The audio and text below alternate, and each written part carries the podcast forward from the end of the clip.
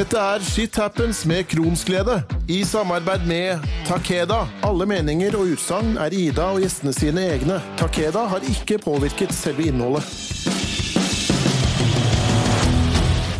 Ny uke og nytt tema her i podkasten. Når vi blir syke, er det mye nytt vi må forholde oss til. En av de tingene er å gå fra å være en naturlig del av samfunnet, hvor vi bidrar med enten utdanning eller jobb, til å plutselig ikke ha helse, hvor vi kan bidra på likt nivå som før. Vi bor i Norge, noe som gjør at vi har tilgang til noen av verdens beste velferdsordninger. Ordninger som sikrer deg i en slik krisesituasjon. Men hvordan fungerer dette i praksis? Hva betyr det for den syke, og hvilke regler må man forholde seg til? Og hvordan er dette tilbudet egentlig? Spørsmålene er selvfølgelig mange, og jeg har besøk av Tiril, som jobber i Nav. Velkommen til deg. Hei, takk. Før vi starter, kan ikke du eh, si litt om eh, deg selv, og fortelle hvilken rolle du har i Nav? Ja, jeg eh, heter Tiril, og så jobber jeg ved et lokalt eh, Nav-kontor på Østlandet. Eh, og jeg har jobbet i Nav siden 2014. Jeg har stort sett oppfølging av de som er sykemeldt, men har tidligere også jobbet med de som har vært mottakere av arbeidsavklaringspenger. Ja. Mm. Jeg vil jo begynne med å si at uh, det vi skal prate om i dag, er jo på et generelt uh, grunnlag. Vi skal jo ikke verken gå inn i min uh, Nav-historie eller andres Nav-historie. Um, og du vil jo heller da naturligvis ikke gå inn i enkeltsaker som du jobber med. Rett og slett Nei, jeg bare... har jo taushetsplikt, ja. så ja. Nettopp. Ja. ja. Vi skal rett og slett bare prate rundt saker og temaer som Og gi et lite innblikk i denne prosessen da, som mange må igjennom når de blir mm. syke. Ja. At vi er heldige i Norge er jo eh, egentlig litt lett å glemme da, når en står i en sånn krisesituasjon eh, sjøl. Eh, for når en blir eh, syk, så er det jo en liten personlig krise. Og for mange så oppleves jo Nav litt overveldende i en sånn situasjon fordi du er syk. og i første omgang så er det jo gjerne sykemelding som er det første skrittet en møter, da. er ikke det riktig når en da blir syk, hvis en står i arbeid? Jo, hvis man er i arbeid, så er jo det første man må gjøre, er jo å gå til legen sin eh, og få en sykemelding. Det, man kan jo, som de fleste vet, bruke egenmelding hvis man har vært ansatt lenge nok i, i, et arbeidsforhold. Men i utgangspunktet så er det helt riktig at man starter med å få en sykemelding. Eh, og så vil man etter hvert eh, få kontakt med Nav. Eh, mm. Normalt sett så har ikke vi så mye kontakt med de som er sykemeldt, før det har gått ca. åtte uker med sykemelding. Ja. Um, kan jo si at Årsaken til det er jo fordi at uh, vi gjør ikke noen store vurderinger av folk som er sykemeldt fram til da, fordi det er ikke så unormalt at man kanskje kan være syk en periode, for å så gå tilbake til jobb. Så Derfor er det satt i lovverket en, uh, en første sånn stoppunkt ved ca. åtte uker, da. Uh, men jeg kan jo bare si at skulle det komme noe informasjon før den tid, så tar vi selvfølgelig tak i saken og den det gjelder da, og hva eventuelt om det er noe vi kan bistå med, da. Ja, for det er jo forskjell, ja, jo forskjell sant, på hva, hva, sykdommen gjelder og hva årsaken. Har du brekt et bein eller noe sånt, så sier det jo seg sjøl at man regner med at man vil være fort tilbake i jobb. Men når man får en kronisk sykdom hvor man kan kanskje ja, hvor det viser tydelig tegn på at her vil det være langvarig, så regner jeg med at dere kanskje er litt fortere på, på laben. Ja, kanskje både og. Jeg tenker at det er litt sånn at man, man, eh, Det kommer veldig an på situasjonen og veldig an på hva vi får av opplysninger. Fordi vi tenker jo, og jeg tenker jo også det selv, at hvis man, hvis man har brukket et ben, så kan man kanskje gjøre litt arbeid. Man trenger kanskje ikke være 100% sykemeldt, ikke sant. Eh, og så ved kanskje noe kronisk sykdom så kan det være at man rett og slett ikke kan være i arbeid, men så kan man kanskje noen ganger være litt i arbeid òg. Så det er veldig, veldig individuelt og veldig forskjellig fra, fra sykdomsforløp til sykdomsforløp, altså. Mm. Det, det, skjønner jeg. Eh, når du da har vært, eh, i, eh, vært sykemeldt en stund, da, så vil man jo da bli kontakta av Nav, og da vil du få en egen saksbehandler. Eh, hvor viktig er det med en god kjemi der, tenker du? jo, altså, jeg tror god kjemi er jo alltid viktig mellom mennesker, men jeg tror at mye handler om respekt og hvordan vi snakker med hverandre. Mm. Jeg tror ikke alltid at man nødvendigvis trenger å ha den beste kjemien, men at man, man har dialog og mm. sammen ser på, på veien videre. For å finne gode løsninger, ikke sant. Fordi for noen så kan det være at, man ikke kan klare å jobbe, som jeg sa i stad, og at da er rett og slett det som er løsningen. Mens for andre så kan det være litt dette her med å snakke litt om hva er mulighetene dine. Er det noe vi kan hjelpe deg med? Er det andre ting som du tenker ikke sant, kan være en god løsning? Eh, så det handler egentlig om dialog og samarbeid, tenker jeg. Mm. Og Nav skal jo være der for den som er syk. Eh, vi skal ikke, tenker jeg, eh, lage en sånn plan for noen. Vi skal eventuelt lage en plan sammen. Mm. Eh, og det er på de premissene til den som er syk, tenker jeg. Mm. tenker Det er jo veldig godt for den som blir syk å høre òg, da. At det, det, gjelder jo deg som person i første omgang. Um, til det her første møtet da, med, med, saksbehandleren din. Nå vet jo ikke jeg, nå er det jo korona, så da regner jeg med at mye går over nett, sånn som alt annet om dagen. Men eh, hva bør brukeren da gjøre på forhånd?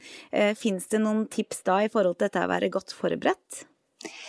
Jeg vet ikke om man noen gang kan være ordentlig godt forberedt, ja, fordi at sykdom er så uforutsigbart. Um, og jeg tenker at det viktigste man skal gjøre, det er å være ærlig.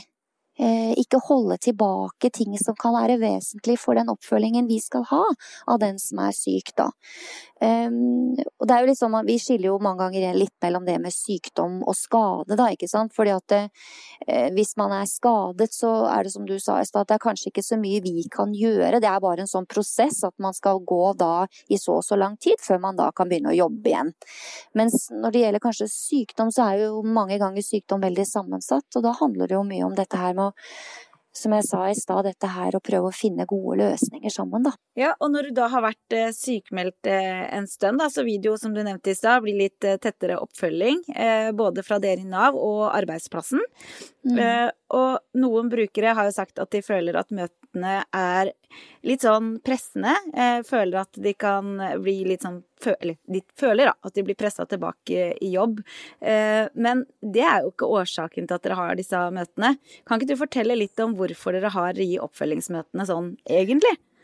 Ja, altså når du snakker om oppfølgingsmøter, så regner jeg med at du mener dialogmøter, da? Ja, det er sikkert ja. det dere kaller det. Ja, for det er det det heter. Og det er, det er jo feltene i lovverket at uh, innen 26 uker så skal det eh, i utgangspunktet avholdes det de kaller det som heter et dialogmøte. Mm. Det er da et møte mellom arbeidsgiver, Nav, eh, ofte den som har sykemeldt Eh, personen, eller fastlege, eller psykolog, eh, og den sykemeldte og Nav. Og i mm. dette møtet så snakker vi om hva mulighetene er for å hjelpe den som er syk, da, tilbake i arbeid. Så raskt det lar seg gjøre.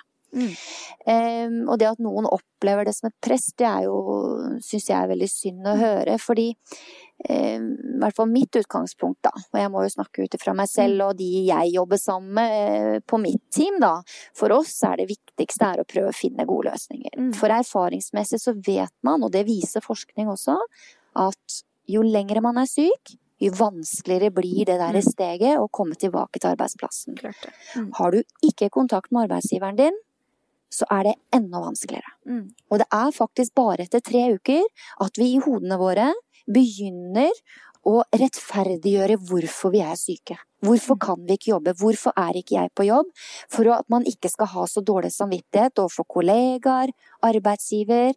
Eh, at man ikke skal kjenne på at man ikke får til ting, ikke sant. Det, og det, det, skjer veldig fort. Mm. Og derfor tror jeg at det er utrolig viktig at man har en dialog med arbeidsgiveren sin og Nav så tidlig som mulig, der man kan se at det kanskje er mulig for at man kan ha noe kontakt med arbeidsgiver og arbeidsplass.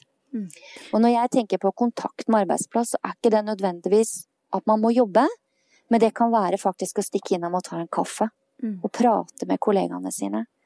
Nå vet vi jo at det siste halvannet året har vært mm. veldig, veldig spesielt. Og vi mm. vet jo, og vi ser jo at det er mange som blir psykisk syke, mm. faktisk. Og sliter med både angst og depresjon på grunn av en del av det som har vært det siste halvannet året. Det å bli mm. isolert. Mm. Og enda viktigere er det jo derfor også dette her med å ikke være alene eh, når man blir sjuk.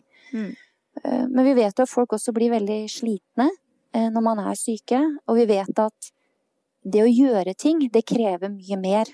Mm. Eh, og det blir vanskeligere og vanskeligere. Eh, hvis man får mer og mer avstand til arbeidsgiveren sin og arbeidsplassen sin.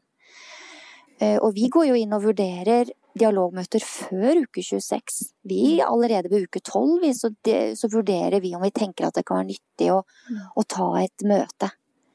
Um, og så er det jo slik at disse møtene de handler, som jeg sa i stad, veldig mye om tilrettelegging og se på mm. løsninger.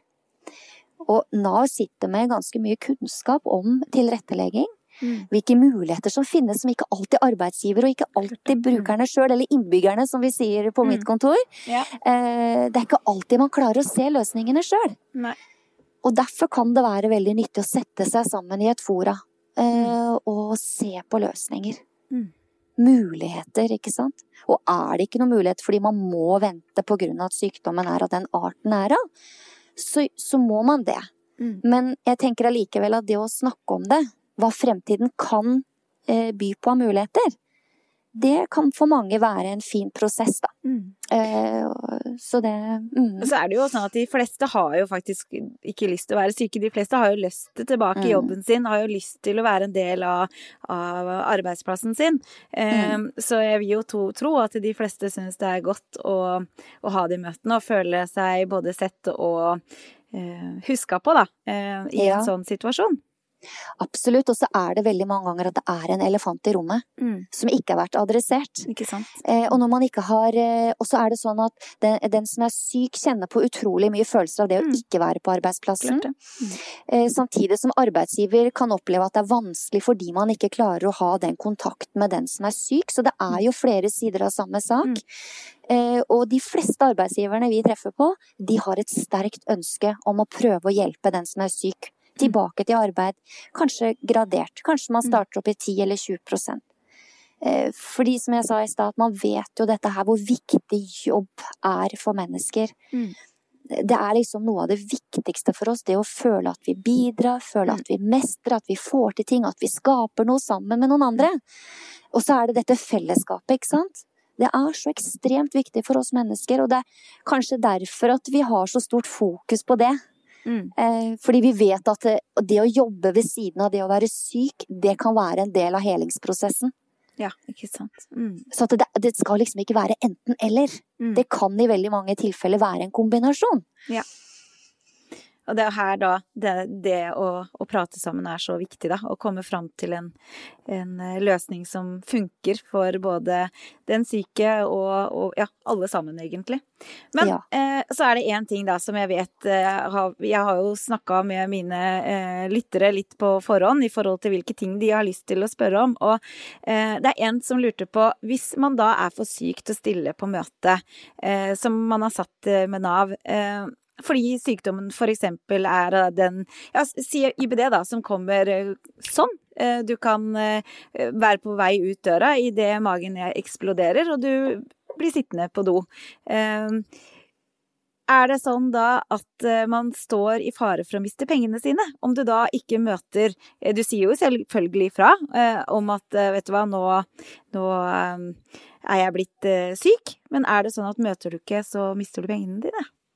Nei, eh, det gjør man ikke. Eh, jeg, altså, slik det er, da, er jo at man har jo en plikt til å si ifra. Altså en opplysningsplikt har man jo når man er Når man mottar eh, bistand fra Nav. Mm. Så det er liksom den som ligger i bunnen, tenker jeg. At så lenge du sier ifra og forklarer situasjonen, så finner vi alltid løsninger på det. Eller så må vi utsette det, så utsetter vi det. Mm. Det er ingenting som er skrevet i stein, men hvis man ikke sier ifra, så vet ikke vi hva som skjer. Nei. Og det er noe med det, altså det er det vi snakker om hele tiden, dette her med denne dialogen. Det ja. å ha, å fortelle hva er det som skjer med meg? Mm. Og gjør du det, og du trenger ikke gå i detalj hvis du for eksempel Altså jeg mener i detalj i sykdommen din, det er det ikke noe behov for. Det, det, trenger vi ikke. Men vi trenger å vite hvorfor du ikke kan komme, ikke sant? Og mm. da sier du bare det, så finner vi en annen løsning. Ja, og ut ifra det jeg forstår, da, så er jo åpenhet og ærlighet eh, og den vilja til å prøve veldig viktig for dere. Eh, men sånn bortsett fra det, da, hva forventer dere av brukeren eh, i en sykdomsperiode? Jeg tenker for å få pengene sine. Hva er liksom ansvaret til brukeren her? Ja, jeg skjønner jo at folk tenker at Altså, jeg vet at det er mye tanker og usikkerhet, og man opplever opplever og man er redd for at man gjør noe galt og sånn, fordi at Mm. Nav er en stor institusjon. Det er en stor byråkratisk enhet. Og, og jeg tenker at det som er veldig, veldig viktig, som jeg sa i stad, er det at vi må være, vi må være åpne hverandre og si hvis ting er eh, ikke, man ikke har det bra, og hvordan ting er. Og så er det ikke sånn at man mister pengene sine sånn eh, plutselig. Det, sånn fungerer det ikke. Jeg tror bare redselen er så stor, fordi Den man er ligger liksom hele livet sitt i andres hender. Så det er nok en sånn Ja. ja, kjemperedd for å gjøre feil, ikke sant? Ja, og der tror jeg at vi som veiledere har jo et ansvar for å trygge, ikke sant, i samtaler. At vi skal trygge at vi ivaretar den eh, biten der for den som er syk. Og det er jo en av de tingene jeg har veldig fokus på, der jeg ser at eh, hvor folk er alvorlig syke eller man har vanskeligheter for å ivareta sin egen sak, da. Mm. Så er det veldig viktig at vi trygger den som, som eh, er så uheldig å ha blitt sjuk, Mm. med at det, dette skal vi gjøre sammen. Du mister ingen penger, Mm. så lenge du og vi er enige om hvordan vi skal jobbe videre, ikke sant? Men dukker man ikke opp til møter, sier man Mm. ikke fra, tar man ikke telefonen osv., så, videre, så har ikke vi så mye valg. Nei, Annet enn å varsle om at vi må stanse sykepengene. Mm. Og hører vi heller ikke noe da, eh, så, så, så har ikke vi noe annet valg enn å stanse sykepengene. Nei. Så, for vi har jo også et lovverk vi må forholde oss til. Mm. Eh, men allikevel så er lovverket slik at man kan vise utrolig mye skjønn Mm. i enkeltsaker. Men samtidig så er det også noen ganger veldig klare og tydelige regler på hvordan ting må gjøres. Ja. Så, så vi er også bundet litt, ikke sant? Mm. Eh, men jeg tenker at så lenge man, man, eh, man er, forteller om hvordan ting er vi, vi har jo behov for medisinske opplysninger Mm. fra lege, ikke sant. Så det er jo mye av legens ansvar er jo også det. Det er ikke bare brukeren, men også legen har jo et Mm. stort ansvar for å oppdatere oss Mm. underveis. Hva er det som er årsaken? Hvorfor kan man ikke jobbe, ikke sant? Eh, og så er det jo vanskelig for den som er sjuk å se hva legen gjør. Så der har jo vi et ansvar om å hele tiden følge opp dette. Mm. Uh, Så jeg tenker vi har et felles ansvar. Eh, Men det at bare pengene forsvinner, det, det, det gjør det ikke. For vi må varsle om det. Ja. Mm. Og det er jo godt å vite, eh, tenker jeg. Ja. Ja. Absolutt. Men så er det jo sånn da at eh, månedene de går fort, og man ser at kanskje bedring er ja, langt unna ved det første. Hva er da neste steg, når man ser at et år har kanskje nærmet seg slutten? Ja. Nå er det jo sånn da at eh, man Det er jo gjerne slik at når man nærmer seg 39 uker med sykemelding, altså at man har vært eh, sammenhengende sykemeldt, så mottar man eh, et brev fra Nav hvor det står at nå nærmer du deg slutten på din maksperiode med sykepenger, og at her er det noen ting du må tenke på. Og så skrives det litt om hva man bør tenke på. Og det vi gjør da, vi som jobber på lokale Nav-kontor, vi har jo rutiner på at vi tar kontakt med de som er mer enn 50 sykemeldt. Mm. Fordi det er slik nemlig at eh, kommer du til maksdato på sykepenger, eh, så er det slik at jobber du mer enn 50% eller har en arbeidsevne mer enn 50% så er det ingen ytelse man kan få fra Nav. Mm. Eh, Fordi at grensen er sånn magisk på 50% nedsatt arbeidsevne, og da vil jo en sånn ny ytelse være, kunne være arbeidsavklaringspenger, eksempel. Så det som er viktig, er at hvis man ser selv at man ikke kan arbeide, og man ser at eh, jeg trenger lengre tid, så er det, så er det viktig at man, eh, man tar kontakt og forklarer situasjonen. Em, og så er det jo også da, som jeg sa i stad, legen har jo også en plikt her til å informere Nav om disse tingene. Mm. Der man ser at eh, jeg klarer faktisk ikke, jeg. Eh, og jeg ser at det er lite sannsynlighet for at jeg skal klare det. Mm. Og mitt mantra, og de jeg jobber sammen med, det er at vi skal være føre var. Mm. For det er en behandlingstid på ca. åtte uker. Mm. Eh, og da er det viktig at man ikke kommer fire uker før, og så står man der og så bare shit, eller to Ja. uker før, og så hva gjør jeg nå? Mm. Dette får jeg ikke til. Men så er det en prosess, da. Det er denne her prosessen med å faktisk akseptere at situasjonen er som den er, og Mm. anerkjenne og faktisk eh, Ja, faktisk være ærlig med seg sjøl, da. Og si Mm. at man faktisk kanskje ikke kan klare å jobbe fullt. Ja. Og det er en prosess, og det kan for mange ta veldig lang tid, og den kan mange ganger komme veldig sent i et sykefravær. Ja, det er jo en sorg. En må, Ja, det er jo absolutt. virkelig en prosess, som du sier. Absolutt. Nå har vi jo prata litt om dette med å være syk, eller å bli syk når du er i arbeid. Men hvordan er det når, hvis du er midt under utdanning, da? Når sykdommen inntreffer? Du, det, gjelder det andre regler da? Altså det er, svaret er både ja og nei, for det kommer ja. litt an på. det som er at hvis du er student og har en deltidsjobb ved siden av, Eh, og du blir syk slik at du ikke kan stå i den jobben, for eksempel, mm. Eh, så kan du kanskje ha rett på sykepenger. Eh, hvis du kan fortsette jobben, mm. men du ikke kan for eksempel fortsette med studiene dine av sykdom, mm. så kan det være at man kan søke om arbeidsavklaringspenger. Mm. Og så er det et tredje alternativ, og det er at hvis du blir sykemeldt fra en deltidsjobb og kan fortsette med studiene dine, Eh, så kan du eh, ha krav på sykepenger. Ja.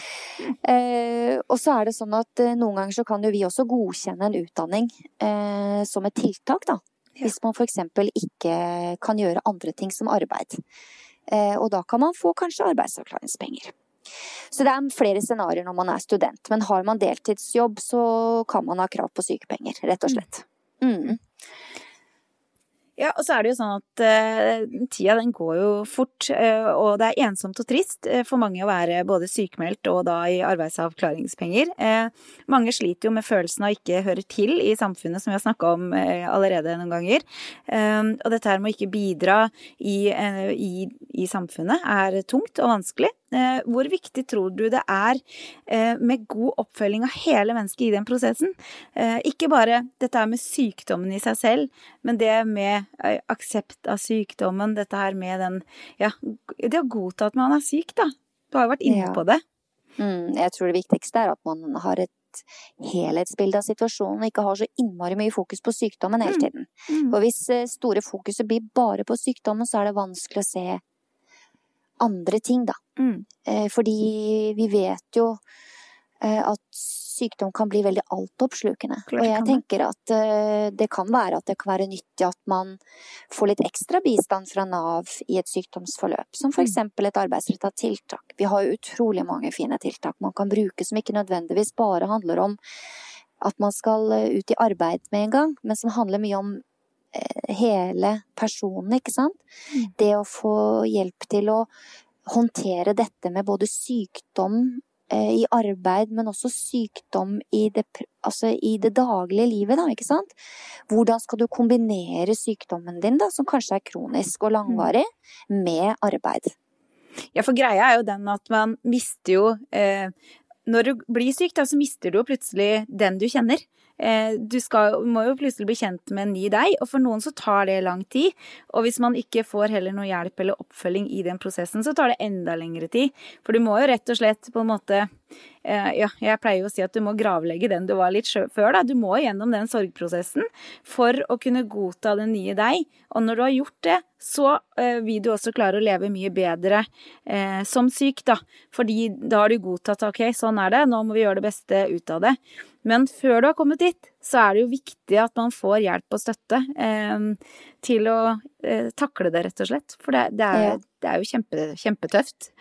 Ja, og det er jo veldig forskjellig hva man har behov for, ikke mm. sant. No, noen eh, kan ha behov for en mer et arbeidsretta rehabilitering, hvor mm. kanskje fysisk aktiv... Altså for å bedre arbeidsevne og funksjonsevne gjennom fysisk aktivitet, kanskje gjennom en mestringskurs, ikke sant. Mm. Kanskje gjennom eh, et rehabiliteringsopphold gjennom Helse Sør-Øst kan være mm. noe som skal til, ikke sant. Mm. Men for Nav vil jo alltid være Målet vårt vil jo alltid være å hjelpe folk ut i arbeid. Det er jo vårt samfunnsoppdrag. Mm. Ja, ja, ja. Når det gjelder dette her med å lege og hele og helbrede selve sykdom og det, så ligger jo det hos Helse Sør-Øst. Mm. Men så har jo vi, som jeg sa nå nylig, at vi har jo noen tiltak som mm. kombinerer dette. For mm. man må jo tenke helhetlig. Og det opplever jeg at det mangles en del i eh, det norske helsevesenet. Ja. Dette her å se helhetlig. Ja. Der er vi nok enige. Ja. ja, det er veldig synd. Mm. Og det skulle jeg håpe at det ble mer fokus på. For det tror jeg ville hjulpet veldig mange mennesker. Ja, det er uten tvil. Det, mm. det, hadde gjort eh, Jeg tror veldig mange hadde klart å stå i jobb. Hadde de klart mm. å fått eh, hjelp til den prosessen der på en litt annen måte enn det som gjøres i dag. Så jeg må jo bare håpe at framtida eh, kan bedres akkurat på det eh, punktet der. Jeg tenker jo at samfunnet i seg selv sparer jo penger på det. Hvis man det investerer det. i dette, så vil jo ja. også vi, sånn vi ser på det et samfunnsøkonomisk perspektiv, Absolutt. så vil vi jo spare masse penger i samfunnet òg. Mm. Så la oss håpe at politikerne klarer å eh, se sånne løsninger snart. det, det, hadde vært mange som vært tjent med det. Det er i hvert fall helt sikkert. ja. Nå har vi jo snakka om både dette her med å være sykemeldt, eh, både arbeidsavklaringspenger både i forhold til arbeid og i forhold til dette her med å være student. Men eh, hva hvis man ikke eh, er i noen ting, da, når man blir syk? Sier man f.eks. har tatt et friår, eh, har bestemt seg for å hoppe rundt på fjellet eh, et år, og så inntreffer kronisk sykdom. Er, mm. står du da uten rettigheter da, eller hvordan er det da? Nei, man har rettigheter. Men akkurat hvilken ytelse ofte som blir den rette, det er veldig ofte at det kan være arbeidsavklaringspenger. Fordi mm. at for å fylle noen av vilkårene til å få arbeidsavklaringspenger, så trenger man ikke å ha vært i arbeid. Og det kan jo være at man kanskje ikke fyller vilkårene for å få sykepenger, da, sånn som i dette tilfellet her. Så kan det være da at det vil være arbeidsavklaringspenger man skal eh, søke om. Og så er det noen vilkår da som må oppfylles for å få det. Eh, og det var jo sånn som jeg nevnte i stad, dette med at man må ha en 50% nedsatt arbeidsevne, altså minst det. Og så er det at man, man, må, man, må, gjøre noe for å bli bedre, om det er behandling eller om det er hvile eller hva det er. Og så er det jo dette her med at, eh, at man må eh, man, Det må være utsikt til bedring. Mm. For hvis man har fått en kronisk sykdom, og det, det er så alvorlig, ikke sant, det kan være kreft, eksempel, mm. og at det er så alvorlig at man er i nærheten ved at det, er, at det er ikke noe som gjør at man kan bli bedre, så kan det faktisk være at en uføretrygd vil være mer riktig. Mm. Og da vil det være noe vi kaller en kurantsak, dvs. Si at da kan man faktisk få uføretrygd uten at vi gjør noen store, noen store greier hos oss. Ja. Mm. Så det er litt forskjellig, men i utgangspunktet så tenker jeg ofte at det kan være arbeidsavklaringspenger som vil være en, en rett ytelse, da. Mm. Ja, og nå var det egentlig neste spørsmålet mitt om du kunne fortelle litt hva arbeidsavklaringspenger var, og hva det innebærer. Men det, mm. nå tok du egentlig det òg, men er det noe mer du tenker er, er, relevant å si i forhold til nettopp det, da? Ja, jeg eh. tenker jo at det med arbeidsavklaringspenger, det blir jo ikke sant, eh, det samme som, som med sykepenger. Altså at det er jo en arbeidsrettet oppfølging underveis. Eh, men så er det jo slik at noen klarer ikke å bli friske, ikke sant, innen det siste, det ene året man har mm. rett på sykepenger. Og så er det på en måte, det er den ytelsen som, som er. Mm. Og den har jo en varighet på ca. tre år. Mm. Men i noen tilfeller da, hvor man ser at det fortsatt er utsikt til bedring, men at man Eh, fortsatt ikke er eh, helt bra, og helt der at man kanskje klarer å jobbe fullt, eller eh, man faktisk ennå ikke har klart å arbeide, så vurderer vi jo faktisk unntak fra den mm. regelen. Hvor man da mm. kan se om man kan få det forlenget utover de tre årene. Mm. Og så er det jo viktig å huske på at arbeidsavklaringspenger er midlertidig. Det skal ikke være noe varig. Nei, ikke sant. Så det, det er veldig viktig å tenke på.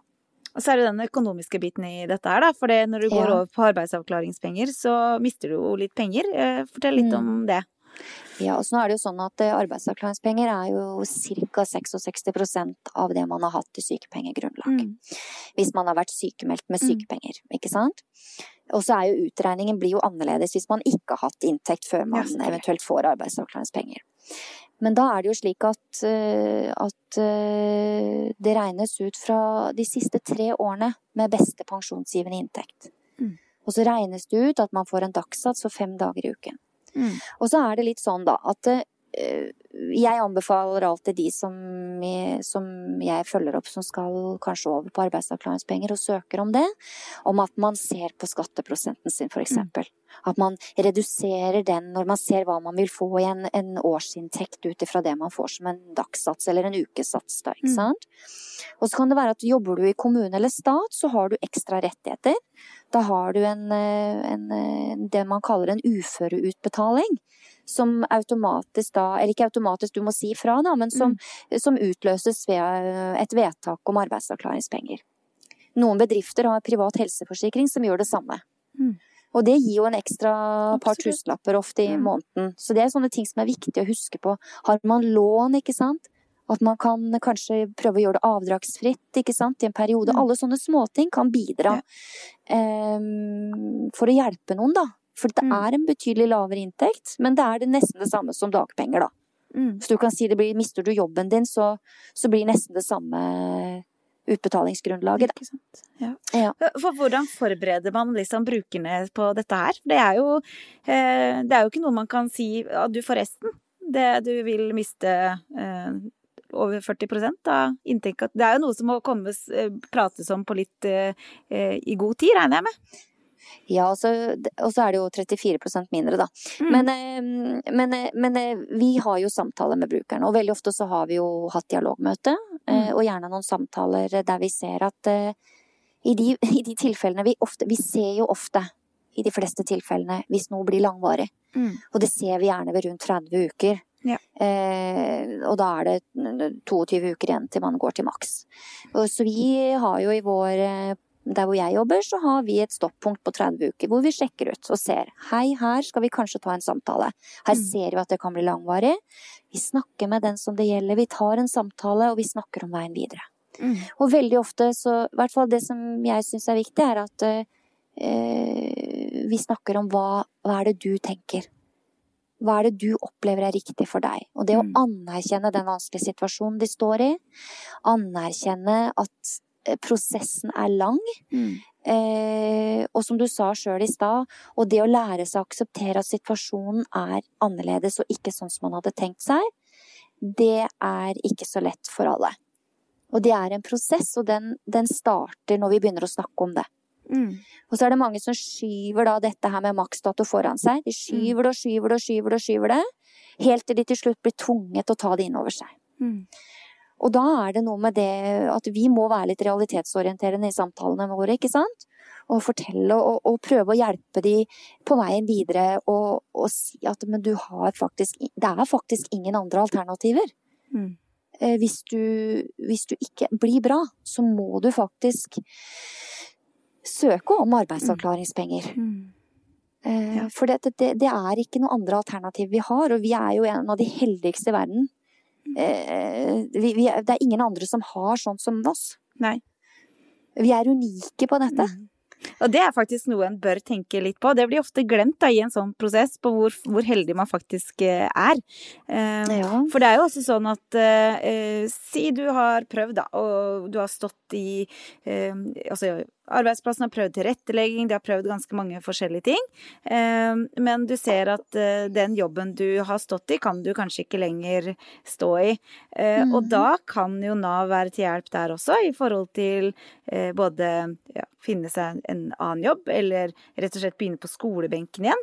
Det er Mhm. flere andre alternativer dere kan jobbe med også.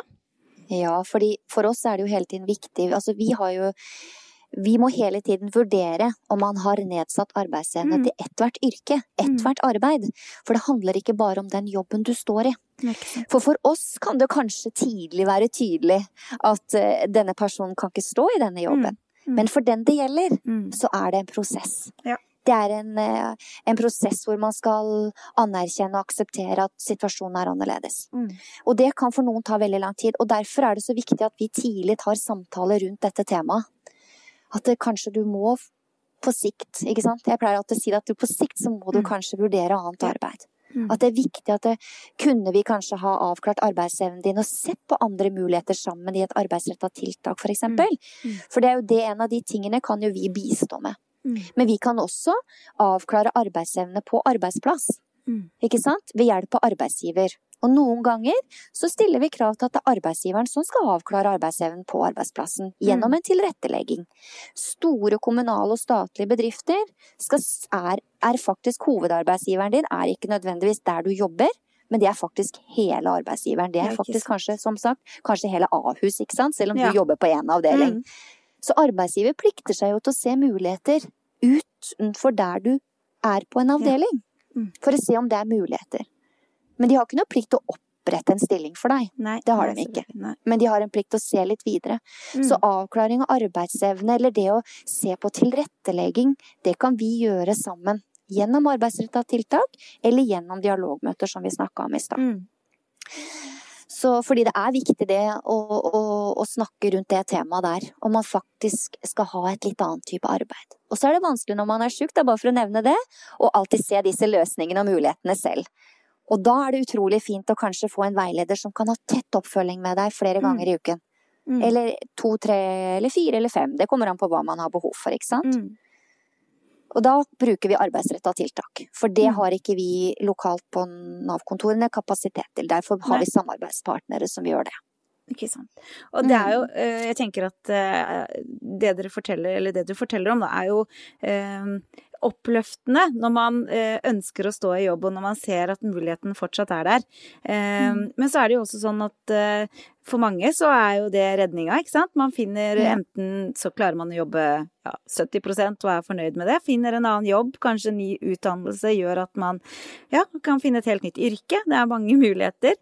Men så er det jo mm. også noen som er så syke at det ikke lar seg gjøre. Ehm, og hvor det da i samråd med leger, spesialister og ikke minst da dere da på Nav ehm, rett og slett bestemmes at det skal søkes ehm, en uføretrygd. Hvilke mm. kriterier må oppfylles da for å kunne søke det hos dere?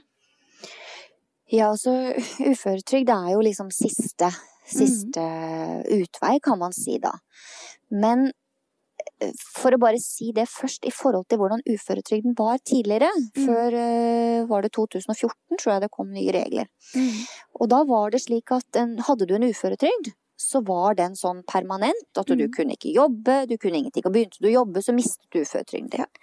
I dag er det jo ikke slik. En uføretrygd i dag er fullstendig fleksibel. Mm. Det vil si at om det f.eks. i noen tilfeller, da, sånn som MS, ikke sant, så kan det være at uh, det hele tiden utvikles nye medikamenter som bremsemedisin. Uh, og så om tre år, da, så har du kanskje hatt uføretrygd i tre år. Og så om tre år så kommer det en ny medisin som gjør at du blir Altså, du får en helt annen livskvalitet. Du kan jobbe. Mm. Og så Det som skjer da, er at da har du fortsatt uføretrygden din i bunn, mm. og så bare jobber du. Og så sier du fra til Nav. Mm. Og så er det slik at for å få uføretrygd, da, eh, så må man fylle noen kriterier. Og det er egentlig to hovedkriterier. Og det ene er at du må ha prøvd ut all den behandlingen som finnes. Mm. Eh, og det må dokumenteres i så fall hvis det er noe som ikke du skal prøve ut. Og mm. hvorfor skal ikke du prøve ut den? Og det er mm. spesielt sånn ved migrene, for eksempel. Mm. Der kan det være 18 forskjellige medisiner, og det er injeksjoner, og det er diverse ting. Eh, men for da mange så kan det være at man blir for syk av å Altså man ikke kan ta en type, for den gjør deg syk. Mm. Så da får du ikke prøvd den ut, og da må det f.eks. dokumenteres. Så da vil det vilkåret, ene vilkåret vil jo da bli oppfylt. Ja. Mm. Og det andre er dette her med avklaring av arbeidsevne. Eh, det er litt sånn som vi snakket om i stad her, ikke sant. Dette her med at eh, hvis, man ikke, hvis man ikke kan jobbe mer, og eh, så må man på en eller annen måte avklare dette. Det må dokumenteres på hvorfor kan ikke du jobbe mer. Mm. Og da er det flere måter å gjøre det på. Det kan avklares på arbeidsplassen din. Arbeidsgiveren din kan ha sett gjennom en årrekke og kan fortelle veldig godt hva du faktisk har forsøkt, uh, uten at du nødvendigvis trenger å gjennom et arbeidsretta tiltak gjennom Nav. Mm. Uh, det andre kan være at hvis du har en så alvorlig sykdom som bare sier i seg selv at du kan faktisk ikke jobbe, så mm. er det dokumentert gjennom de medisinske opplysningene som kommer fra uh, lege eller helsepersonell. Så det er liksom de to tingene som må oppfylles for å mm. kunne få. Men det å huske på at, eh, og det vet jeg er veldig tungt for veldig mange, det er den opplevelsen av nederlag, mm. Eh, skam, eh, å føle på at man At det nå er alt slutt. Mm. Det er en sånn prosess, og det er noe man må snakke om og ta tak i. Og kanskje få noe hjelp til å prosessere. Så det tror jeg er et viktig samtaleemne. Og det er ofte en prosess, dette her, da. Mm. Ikke sant? At man går over på arbeidsavklaringspenger før kanskje uføretrygd blir aktuelt. Mm. Så ja. ja. Det å bli mm. ufør er jo beintøft. Jeg blei jo det sjøl i 2014. Eh, og mm. for meg så var det jo en sånn eh, Jeg kjempa jo i åtte år mot den uføre Og fikk Jeg har bare positivt å si om oppfølginga jeg fikk på Nav. Jeg fikk tida jeg trengte på rett og slett eh, jobbe meg gjennom det, det jeg måtte. Jeg, jeg, måtte være sikker på at jeg hadde prøvd alt før jeg kunne mm. si ja til å, å takke ja til den uføre... Eller ja, søknaden, da. Men jeg husker jo veldig godt hun som eh, var saksbehandleren min, eller hva dere kaller det. Eh, ja, hun sa det når jeg slutta, at husk på at dette her ikke er endelig. Og det betydde så mye for meg, for det For det er jo en endelighet i den uføre Det er liksom stempelet på at du er ikke Ja, du er ikke arbeidsfør, da. Det var det jo mm. den gangen. Og jeg må mm. si at for for meg så har det, de nye reglene vært eh, gode å vite om. Eh, fordi mm. det gir muligheter til at eh, ja, om jeg fire år fram i tid har mulighet og ork til å jobbe, så er mulighetene der. Og det ja. tror jeg er stor glede for mange, da. Ja, jeg tenker at det blir på en måte det er alltid da et lys i tunnelen, ikke sant? Mm. For det er jo litt det det handler om. Og så prøver jeg også mange ganger at man snakker litt om dette her med, med, med faktisk så man kan bidra på andre måter òg. Kanskje mm. ikke at det er lønna, men frivillig arbeid. Ja, det er så utrolig mange som har mm. behov for litt ekstra hjelp. Ja. Og det er det jo, vet jeg jo, mange som får veldig mye mestringsfølelse av, og, og, og veldig føle at de bidrar, altså. Mm. Så det er noe med det også, også sant, vinkle ting og se ting på en litt annen måte. At det er liksom ikke enten-eller, da. Nei, og, og, det å komme seg ut, eh, og det å være med i samfunnet, på tross av at du er syk, det er kjempeviktig. Fordi Absolutt. det er jo ikke sånn at vi ligger i senga hver eneste dag. Vi har jo Nei. dager hvor vi kan bidra. Det er bare at det er vanskelig for oss å jobbe, eh, eller være i en, i en vanlig jobb, da, fordi vi er for uforutsigbare. Det er jo gjerne der det ligger, at den er ja. for uforutsigbar. Eh, men det å da kunne delta på et nivå der du sjøl bestemmer, det mm. gjør det jo mye mer lett. Eh, og den følelsen, om du gjør det frivillig eller om det er lønna, tror jeg er ganske lik uansett. For en, mm. en, følelse er like mye trengt, og det er jo der det ofte ligger. Tror jeg. Ja. Mm. mm. Det har du nok rett i. Sånn helt avslutningsvis, tida går fort. Eh, har du tips til de som er midt i en prosess nå med avklaring i Nav, eller står overfor en? og det er jo så vanskelig spørsmål, syns ja. jeg, fordi at det, det, er noe med det at eh, jeg, jeg, bare tenker at ikke, ikke, tenk på Nav som den store, stygge ulven. Mm. Tenk på oss heller som en samarbeidspartner for å hjelpe deg eh, når du står i en vanskelig situasjon. Alle mennesker står en eller annen gang i livet sitt i en vanskelig situasjon. Mm. Og vi har alle en eller annen gang behov for litt ekstra hjelp. Så ikke mm. vær redd for å be om hjelp mm. når du trenger det mest. Og det har alle rett på. Så det, ja. Jeg syns det var et fint tips, jeg. Ja, så bra. Ja. Og at det å bli syk er en tøff prosess, det er det jo ingen tvil om. Eh, og Nav er jo et sikkerhetsnett som skal stå klar til å ta oss imot når vi faktisk faller. Eh, nå er det jo ikke sånn at Nav er perfekt. Det finnes forbedringspotensial både der og som på alle andre arbeidsplasser. Eh, og målet må jo være å hjelpe og støtte i en vanskelig fase i livet. Likevel så er det jo bunna til dette regelverket da, som vi har snakka om, eh, og det er viktig å, å, selvfølgelig følge. Og kanskje vi som brukere bør stoppe opp litt og tenke oss om, om, om før vi kritiserer. For hvordan hadde dette gått om vi ikke hadde hatt Nav i det hele tatt? Tusen hjertelig takk, Tiril, for at du ble med og ga litt info om hvordan Nav fungerer. Bare hyggelig. Og takk for at jeg fikk være med. Det var kjempemye nyttig info, og eh, ikke minst litt sånn ufarliggjørende, og det er utrolig eh, fint, tenker jeg. Så hyggelig. Det var veldig fint å få være med. Tusen takk. Takk skal du ha. Til deg som lytter, mitt tips er ikke se på Nav som en motstander, men som en samarbeidspartner. Samarbeidspartner på veien tilbake i jobb eller utdannelse, eller som støtte på vei til uføretrygd. Husk at dette er snakket om kun generelt. Vi har full forståelse for at opplevelsene med Nav er mange, og at løpene er ulike fra person til person.